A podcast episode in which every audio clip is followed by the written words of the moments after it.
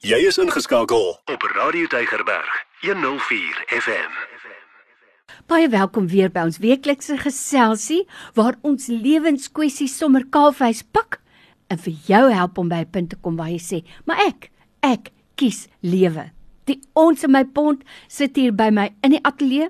Dis 'n kenner. Hy's 'n kliniese en pastorale terapeut, Dr. François Swart, en hy help ons om sin te maak van daai taai toffies wat die lewe soms vir ons uitdeel.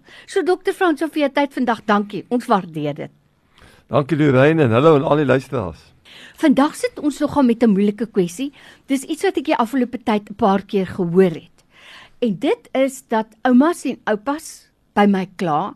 Somstyds is dit broers en susters, maar ek wil amper meer en deel sê oumas en oupas wat sê ek sien by my kinders dat hulle een kind voortrek.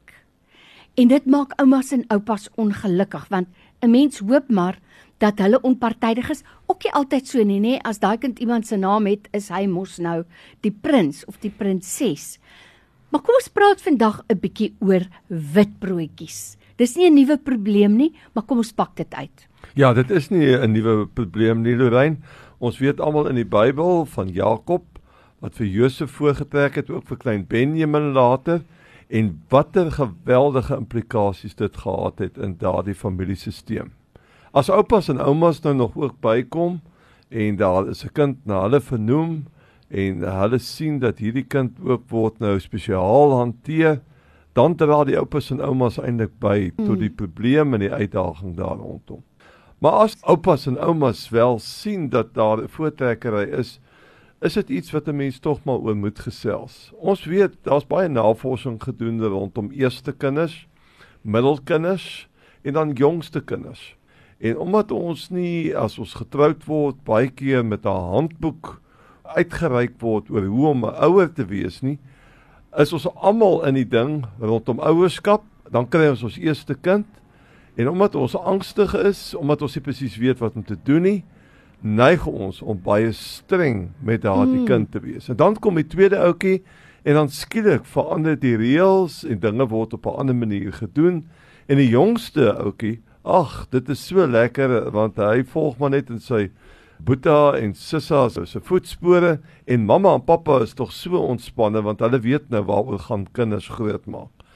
Dis ons het 'n geweldige verantwoordelikheid en wat help daarmee is om met jou drie kinders afsonderlike verhoudings aan te knoop. Ek sê altyd vir die pappas, dis belangrik dat jy en ons manne hou tog so daarvan om 'n ontbytjie iewers te gaan eet. Mm.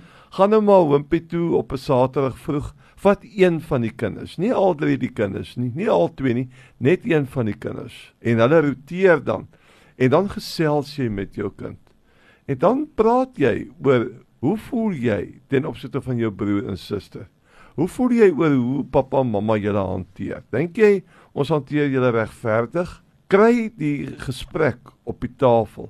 Maar wat belangrik is Lorraine in hierdie situasie is kinders verskil van mekaar. Daarom moet daar van kleins af met kinders gepraat word. Die een kind het byvoorbeeld talente in judo en daarom moet hy 'n judo pakkie kry wat spesiaal vir hom werk. Maar die ander kind is 'n tennisspeler en daarom het hy 'n raket nodig. En dit kan wees dat sy goeie bietjie duurder kos. Mm. En dan moet ons kinders nie dit vergelyk en sê, "Maar nou word hierdie een voorgetrek nie." Ons as kinders moet ook besef dat kinders het verskillende talente, het verskillende behoeftes. Daar kan verskillende mediese omstandighede wees wat ons in terme van geld ook meer geld spandeer aan een kind as 'n ander. Al hierdie goedes speel 'n rol. En as jy 'n ouetjie het wat bietjie moeilik is, wat nie maklik samewerking gee nie, is dit belangrik dat jy met daai persoon 'n gesprek hê. En ek dink die groot ouers moet altyd maar versigtig wees om baie krities te wees om net te sê my waarneming is dat dit lyk vir my dis dis makliker vir julle om met hierdie ouetjie te werk as met die ander ouetjie. Moet dit nie giet in die tema van ons gesprek vanmiddag. O, jy het wit broodjies, ek mm, sien vir jou nie, mm, mm. want dan gaan jy definitief 'n reaksie kry. Uh, dit voel net vir my jy hanteer dit anders. Is daar redes voor? Uh, moet jy nie dalk iemand kan gaan sien wat vir julle 'n bietjie kan help daarmee nie? Dr. Franso Swart is hier by my in die ateljee, kliniese en pastorale terapeut. Ons praat vandag oor die gesinsstruktuur, miskien ook die rangorde van kinders in 'n huis. Dokter Frans, ek kan nie meer saamstem nie. Jy weet, ek het al in die lewe besef Dinge is nie soos wat dit vir jou lyk nie. En daarom moet 'n mens baie versigtig wees om sommer 'n uitspraak te maak. As jy nie heeldag en aldag in daai milieu is nie, bly liewer stil en as jy dit moet aanspreek, doen dit met omsigtigheid en sonder om te oordeel. Byvoorbeeld, dit lyk vir my asof die middelste ouetjie nou bietjie deur 'n moeilike stadium gaan dit dit moet seker vir julle bietjie spanning veroorsaak of wat ook al. So met omsigtigheid. Wat betref oumas en oupas. Kom ons praat met hulle oor kleinkinders. Onthou partykeer is dit nog kleinkinders van verskillende ouers, jou jou seun se kinders en jou dogter se kinders.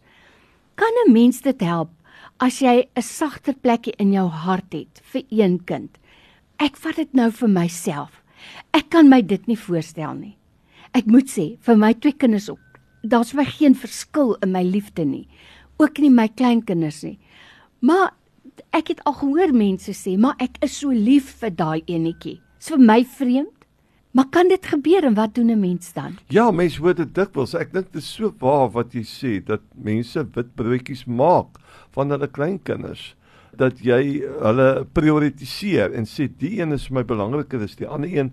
En die rede kan wees dat hy my naam dra of dat hy so oulik is of soos ek is of my geaardheid het. Maar ek dink ons moet as oupas en oumas wysheid vertoon. Mm. ons het mos nou al 'n paar keer om die blok beweeg. En ons weet mos hoe sensitief is menslike verhoudinge onderling En ons moet pas op as grootouers dat ons nie die veroorsaker is van onmin omdat ons net dood eh, gewoon op ons gevoelens gaan nie. Ek wonder of 'n beter manier as grootouers en as ouers eh, nie is om te praat oor elke kind het eintlik 'n spesiale plekkie in jou mm. hart. Het elkeen 'n hoekie. Lorraine, weet jy ek het twee kinders en vier kleinkinders, maar ek kan nie sonder een van hulle nie. Ek wil dit regtig vanmiddag vir jou kom sê. Elkeen van hulle roer 'n ander deel van my innerlike lewe en elkeen is spesiaal en dat 'n mens baie sterk daaraan werk. En as jy sit dat jy kom agter, maar ek is tog maar bietjie geneig om meer met hierdie ouetjie te werk. Moet jy maar met jouself werk daaroor. Praat met jou vrou daaroor en sê vir my, help vir my want dit moenie so wees nie. Mm. En dan ekstra tyd maak juis met die ouetjie wat jy moeilike vind om mee 'n koneksie te hê. Gaan doen jou uit eet met hom. Doen spesiale speletjies met hom. Gee meer aandag aan hom of haar en beskou dit as 'n uitdaging. Maar ek dink die volwasse manier om om te gaan is om in kontak te wees met jou eie gevoelens. Dit is eintlik wonderlik as jy kan sê as ek myself ondersoek, soos Psalm 139 sê nou in 'n ander konteks waar ons vir die Here vra, toets en deursoek ons en kyk of ons nie dalk 'n uh, donker skadu kolle het nie.